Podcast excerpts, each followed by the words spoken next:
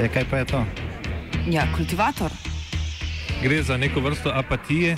To lahko reče samo kreten, noben drug. Socialni invalid in ga je ne mogoče urejati. Drugi kandidat. Pa, pa pije, kadi, masturbira, vse kako hoče lahko počne. Nihče tega ne ve. Vsak petek skultiviramo dogodek tedna. Lahko po kriterijih radio študent, težko pa po evropskih kriterijih. Ampak na drug način, kot vi to mislite. Kultivator vedno užge. Da pač nekdo sploh omenja probleme, ki so, in da pravzaprav sploh nekdo sproži dogajanje uh, v družbi. To drži, drži. Ha, Bibi, peti.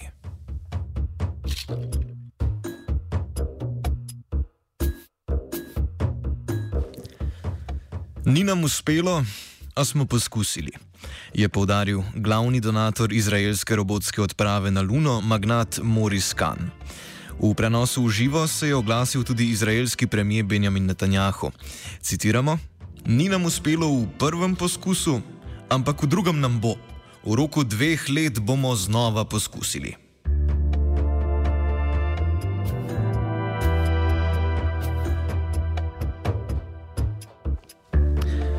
Bibi Netanjahu je bil morda razočaran nad svojimi propadlimi vesoljskimi podvigi, tudi njegovemu glavnemu nasprotniku v parlamentarnih volitvah, Benjaminu Beniju Gancu in njegovi modro-beli koaliciji, ni uspelo niti v tuzemstvo. Že štirikrat okronani izraelski predsednik vlade si je namreč na volitvah zagotovil še peti mandat.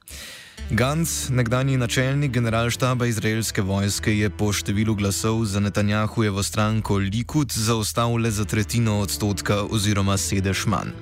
Toda zaradi pomankanja podpore med ostalimi strankami se je Gantz, potem ko je kmalo po zaprtju volišč sicer razglasil zmago svoje stranke, vendarle moral sprijazniti s porazom, saj mu ne bi uspelo sestaviti koalicije. Netanjahu koalicije še ni sestavil. Proces lahko traja še nekaj časa, tudi po vsej verjetnosti se bo povezal z ostalimi šestimi desnimi strankami, ki jim je uspel preboj v parlament. Tako bi si v izraelskem parlamentu, k senetu, zagotovil udobno večino. Netanjahu je imel v času predvolilne kampanje sicer kar nekaj razlogov za skrb. Poleg možne izgube proti Gancu na volitvah so ga težile misli o neuspehu izraelskega pristanka na Luni in tudi o možnosti, da zaradi obtožb zaradi korupcije sam pristane v zaporu. Stresne dni pa mu je uspešno lajšala topla mikrodlan ameriškega predsednika Donalda Trumpa. Slednji je Benjaminu Bibiju Netanjahuju podaril kar lep predvolilni dar, ko je podpisal dokument o priznanju izraelske suverenosti nad sirsko-golansko planoto, katere dve tretjini Izrael v nasprotju z mednarodnim pravom okupira od šestdnevne vojne leta 1967. الشهرة ممكن تكون إغراء كبير بس تبع الجذاب فيه السحر Trump in Bibi sta sicer v dobrih odnosih že dlje časa, tako rekoč prav od izvolitve Trumpa leta 2016. To se odraža v okrepljenem gospodarskem sodelovanju in tudi v simboličnih gestah, kot je nedavna z Golansko planoto in tista leta 2017, ko je Trump razglasil Jeruzalem za prestolnico Izraela. Po mnenju mnogih analitikov je prav prijateljski odnos med Bibijem in Trumpom tisti, ki je v zadnjem času največ prispeval k Netanjahujevi priljubljenosti in uspešnosti. Takega mnenja je tudi Zlatko Dizdarevič, novinar in nekdani diplomat. On je zapravo, po mom dubokom uvjerenju, a prati ga dosta dugo, u suštini političar malog formata, ali mešetar i ono što mi u Sarajevo kažemo politički fakin velikog formata. On je shvatio da postoji ogroman prostor u novoj Trumpovoj ekipi i politici, ako se može govoriti o Trumpovoj politici, u kojoj on može jako da profitira. Uh, on je dakle uh, igrač jednog uh, konteksta međunarodnog novog u kojem je dosta lukavo shvatio kako može da uknjiži na svoj račun poteze koje je na kraju krajeva vukao u svoju korist, a u, interesu i, i Trumpove geostrategije. Netanjahu za Dizdareviča predstavlja bližnjo vzhodno izpostavo agresivne ameriške ekspanzionistične politike in je tako njegove nedavne politike nujno razumeti v luči nove zunanje politike Združenih držav.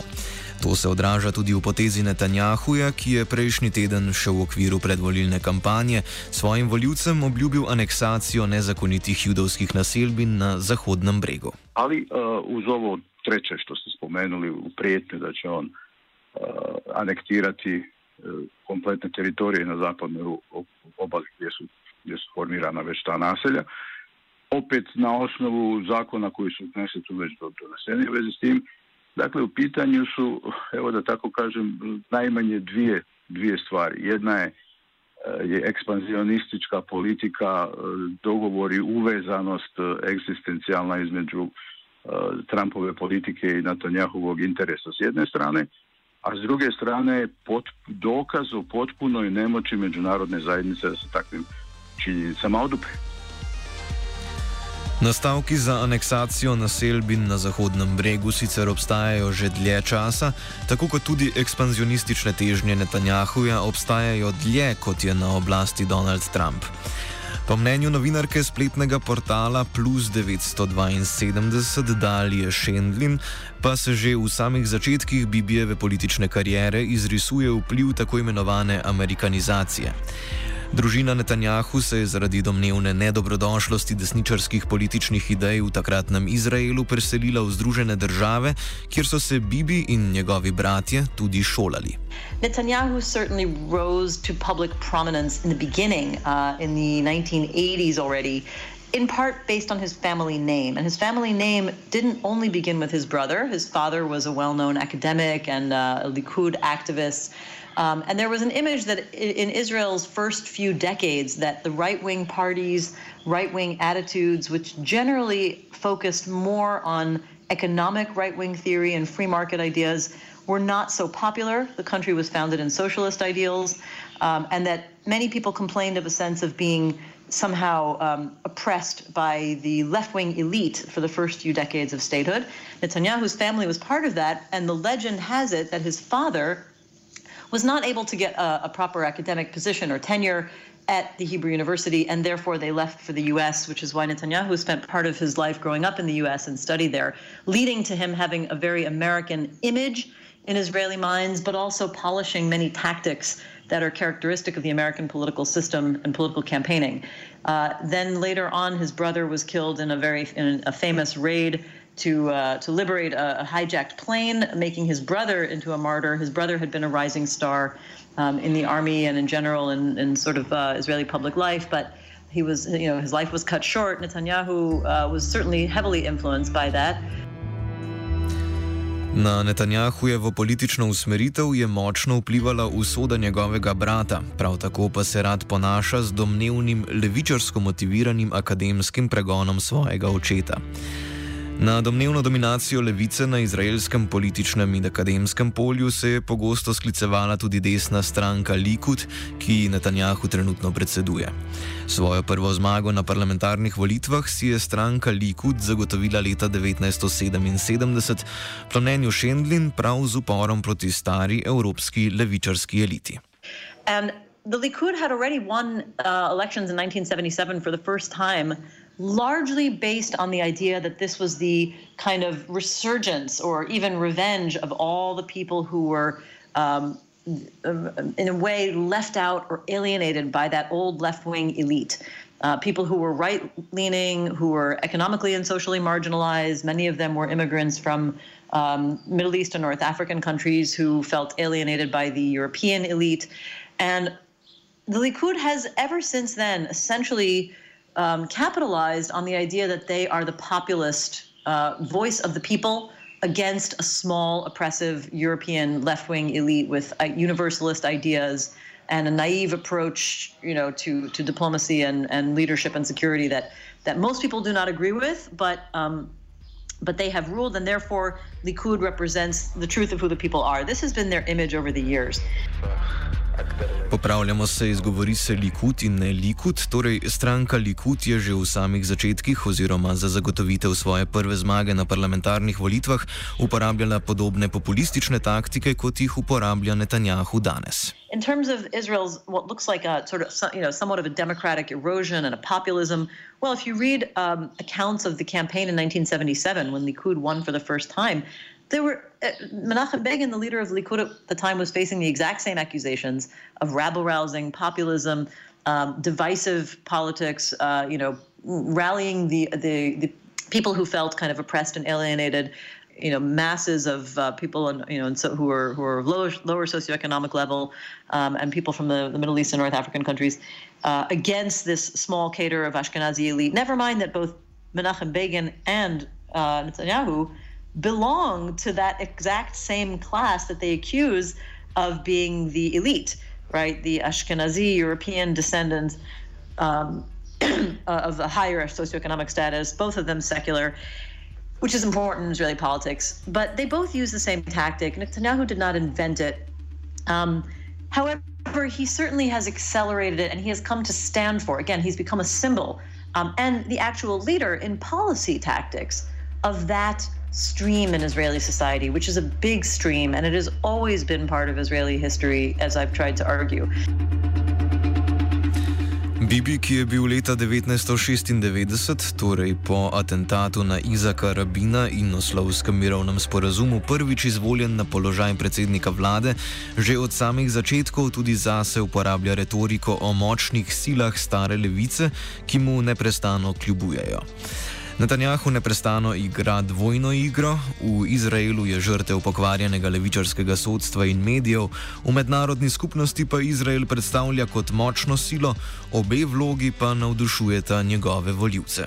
Netanyahu has managed to take that outlook and constantly play the same theme over and over again, not only with relation to his voters, but with relation to himself.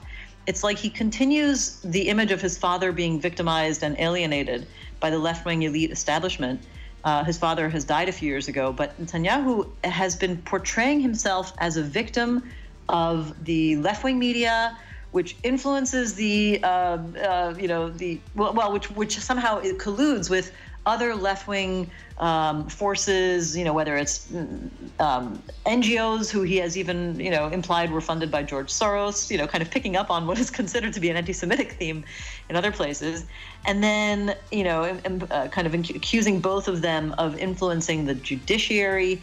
Uh, the Supreme Court in Israel is has over the last 20 years developed a strong image as the bastion of that left-wing elitism. Uh, judicial activism is reviled by many people. Uh, I would say it's a real dividing line in Israeli society right now.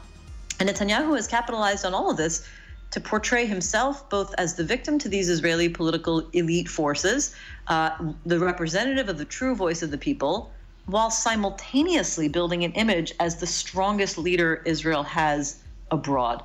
So he manages to make Israel look strong, which is something his voters love, while capitalizing on the sense that he needs the popular support to fight the fight against the you know internal enemies at home. V tej luči, torej luči zlobnega notranjega levičarskega sovražnika, ki od Netanjahuja zahteva, da je neprestano na preži, je mogoče razumeti tudi podporo, ki mu jo obtožbam o korupciji na vkljub namenjajo njegovi voljivci. Prav te obtožbe, skupaj z nemočjo izraelskega toživstva, da bi jih dokazala, voljivcem dokazujejo obstoj trdne države, ki poskuša preprečiti, da bi se Netanjahu brezskrbno uveljavil kot predstavnik ljudstva. Now, Netanyahu's supporters say these are, you know, they've been investigating for three years and these are not very significant charges. That's all they came up with. Maybe it's all exaggerated and overblown, and maybe there is a political agenda behind these investigations. Don't all politicians have some form of corruption? Don't all politicians try to speak with editors and publishers and and and convince them to give them good coverage? They're just persecuting Netanyahu because he is the true voice of the people, and these elites again, going back to the theme of the left wing elites, uh, have a sort of deep state. They work together with the media. They the, together they pressure the judiciary and law enforcement, and this is somehow trumped up uh, uh, investigations. Netanjahuju trenutno grozi nekaj obtožb po korupciji. Policija je po treh letih preiskav izraelskemu toživstvu podala sum kaznivega dejanja korupcije šele februarja lani, od takrat dalje pa jih preiskuje državni tožilec. In February of 2018, uh, the police finally recommended to the Attorney General that he indict Netanyahu on two cases involving uh, various forms of fraud, breach of trust, etc. Um, and in I think December of 2018, so a few months before the elections, they recommended his indictment on a third count, on a third case. Uh, all in all, he was being he was he was part of investigations in four cases. He was named as a suspect in three of them.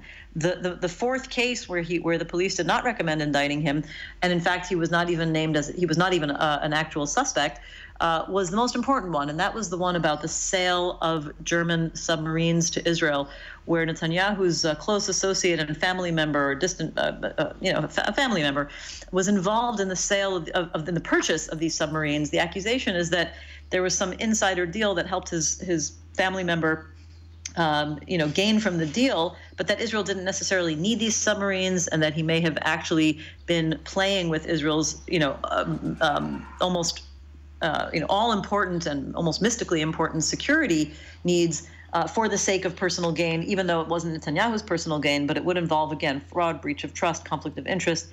That would have been a much more severe charge. But he was not named as a suspect, and therefore there was no recommendation of indictment with him for him on that case. We call it File 3000, the submarine case. Netanjahu si bo s sestavo koalicije po vsej verjetnosti zagotovil večino v parlamentu, zato obstaja tudi možnost, da bo Kneset, izraelski parlament, sprejel tako imenovani francoski zakon, ki onemogoča, da bi se vodjem države sodilo zaradi suma kaznjivih dejanj. Netanjahu je toživstvo sicer tudi zaradi suma izvajanja pritiska nad mediji. The other three cases, almost all of them have to do with influence peddling. Two of them have to do with Netanyahu uh, um, you know, is allegedly giving either regulatory favors or some sort of um, legal favors um, in exchange to to media figures in exchange for them somehow influencing the coverage in their media outlets to provide favorable coverage for Netanyahu. He is famously obsessed with the media, as I said, and he apparently or allegedly, I should say, gave um, again, you know, sort of legal benefits to one major communica- telecommunications tycoon, hoping that that that that figure would then um, influence one of the popular web portals that he owns uh, to provide good coverage and quash bad coverage of Netanyahu, who is very sensitive to how he's portrayed in the press. Uh, a similar deal with another one of the country's top circulating newspapers and the and the the publisher of that newspaper, and a third case, you know, and the lesser case uh, of the three um, having to do with uh, providing possible significant tax breaks for for uh, businessmen who then gave him all sorts of gifts in return. We call this the champagne and cigars case because that was the form of the gifts. Kljub temu, da Netanjahu neprestano omenja levičarsko agendo nekaterih državnih institucij in medijev, pa je v sodobni izraelski politični sferi skoraj nemogoče govoriti o resnem antagonizmu med desnico in levico. Če so do leta 1967 še obstajale razlike med levimi in desnimi strankami na področju ekonomije, so se po šestdnevni vojni edine razlike izrisovale le še na področju vprašanja varnosti. After 1967, the left-right debate completely recalibrated itself to focus almost exclusively on attitudes towards the occupied territories, or what religious Jews call Judea and Samaria, and of course Gaza, Sinai, Golan Heights. And that has you know, fundamentally reshaped the Israeli political map. If you look at left, right, and center in Israel today, by public opinion and, and self definition, there is almost no difference in what they wish for on the economic level. Uh, there's a strong consensus in Israel that there should be, you know, ultimately a free market, thriving economy with a strong social safety net uh, the remnants of our socialist roots um, are found in the sense that Israel Israelis deeply expect their government to provide that social safety net. They uh, are willing to pay high taxes, but they expect stellar services in result. In če se v prejšnjem stoletju še kaže možnost mirovnega procesa in se odvijajo razprave o rešitvi dveh držav, se je v letošnji predvolilni kampanji kot radikalna izrisala že sama omemba mirovnega procesa. Glavna tema letošnje predvolilne kampanje tako niso bila niti ekonomska vprašanja, niti predlogi konkretnih rešitev palestinskega vprašanja, temveč predvsem retorična razlikovanja na področju varnosti ter vprašanja erozije demokratičnosti. The parties basically fought fight over the security issues, the conflict related issues, more in the background, conflict resolution. And I think to a large extent, on internal issues related to the nature of, of Israel's democratic institutions, which was not well addressed by the campaigns. But many people who were considering how to vote really thought about is the Likud corrupt? Is this a stain on our democracy? What about the anti democratic legislation? What about the populist? You know, rhetoric and and um, you know rhetorical and legislative assaults on Israel's minorities and civil society uh, and the media, and those were really uh, prominent factors on people's minds. I personally don't think the parties did a good enough job of addressing them. Centristični kandidat Benny Gantz se je od Netanjahuja še v največji meri odmaknil pri vprašanju odnosa do iranskega jedrskega sporazuma, ki mu Netanjahu in Trump strastno nasprotujeta, razloži Dizdarevič. Kraju krajeva ne treba zaboraviti i u situaciji u kojoj je Netanjahu silno kapitalizirao i danas kapitalizira zajedno sa Trumpom na, na, na pretnjama Iranu ili na proizvodnji straha da će Iran napasti Izrael. Uh, iz te činjenice su uh, bili i jedni i drugi uh, energično protiv poznatog nuklearnog sporazuma. U takvoj situaciji recimo Gantz je čak rekao i da ima razumijevanje za neke elemente u tom sporazumu. Dakle i ta jedna dosta mekana formulacija, ali ne histerično protiv, pokazuje da je on druga vrsta, druga vrsta političkog kalibra. Istočasno si je Gantz del uspeha zagotovil z retoriko o združevanju in ne razdruževanju izraelske javnosti, meni. I wouldn't say they necessarily followed the right wing rhetoric. Actually, I think the main challenger, if they did anything right, they portrayed a more mature, unifying rhetoric. Uh, in many ways, the main challenger party, led by former Chief of Staff Benny Gantz, tried to be a little bit Obama esque in saying, you know, we're not right or left, we're one Israel. But ultimately, when, when you look at the substance of the campaigns, they were all competing as to who could be more better at the at what the right does than the right itself, and that is not a good winning strategy. Um, so it's somewhat rhetoric, but it's also in terms of how they address issues and policy. Now, again, there wasn't that much substantive issue discussion among the uh, political parties campaigning, which is, I think, a very, you know, very dark mark on the political leadership. Bibiu morda ni uspel pristanek na Luni. Uspelo pa se mu je obdržati na oblasti in to že petič. V zaključku današnjega kultivatorja Šendlin izpostavi, da se prepogosto pozabi, da je Netanjahu sicer res da poglobil fašistoidne politike Izraela, nikakor pa jih ni sam izumil, niti jih ni prvi upeljal v Izrael. You know, I think we, we overestimate what he ha- how he has changed Israel. He has maybe changed certain things or accelerated certain processes. But if you look at history, Netanyahu did not start the occupation of the Palestinians, and he is not by far the only prime minister to have deepened or perpetuated uh, Israel's permanent hold over the West Bank. And you know, Gaza is a slightly different story. But I mean, you know, labor governments built settlements, expanded settlements, you know, fought wars, just like Likud. And I, I think it's a mistake to think that this is all about Netanyahu as much as he's overshadowed the last 10 years. Sveto zemljo in luno je orala lana.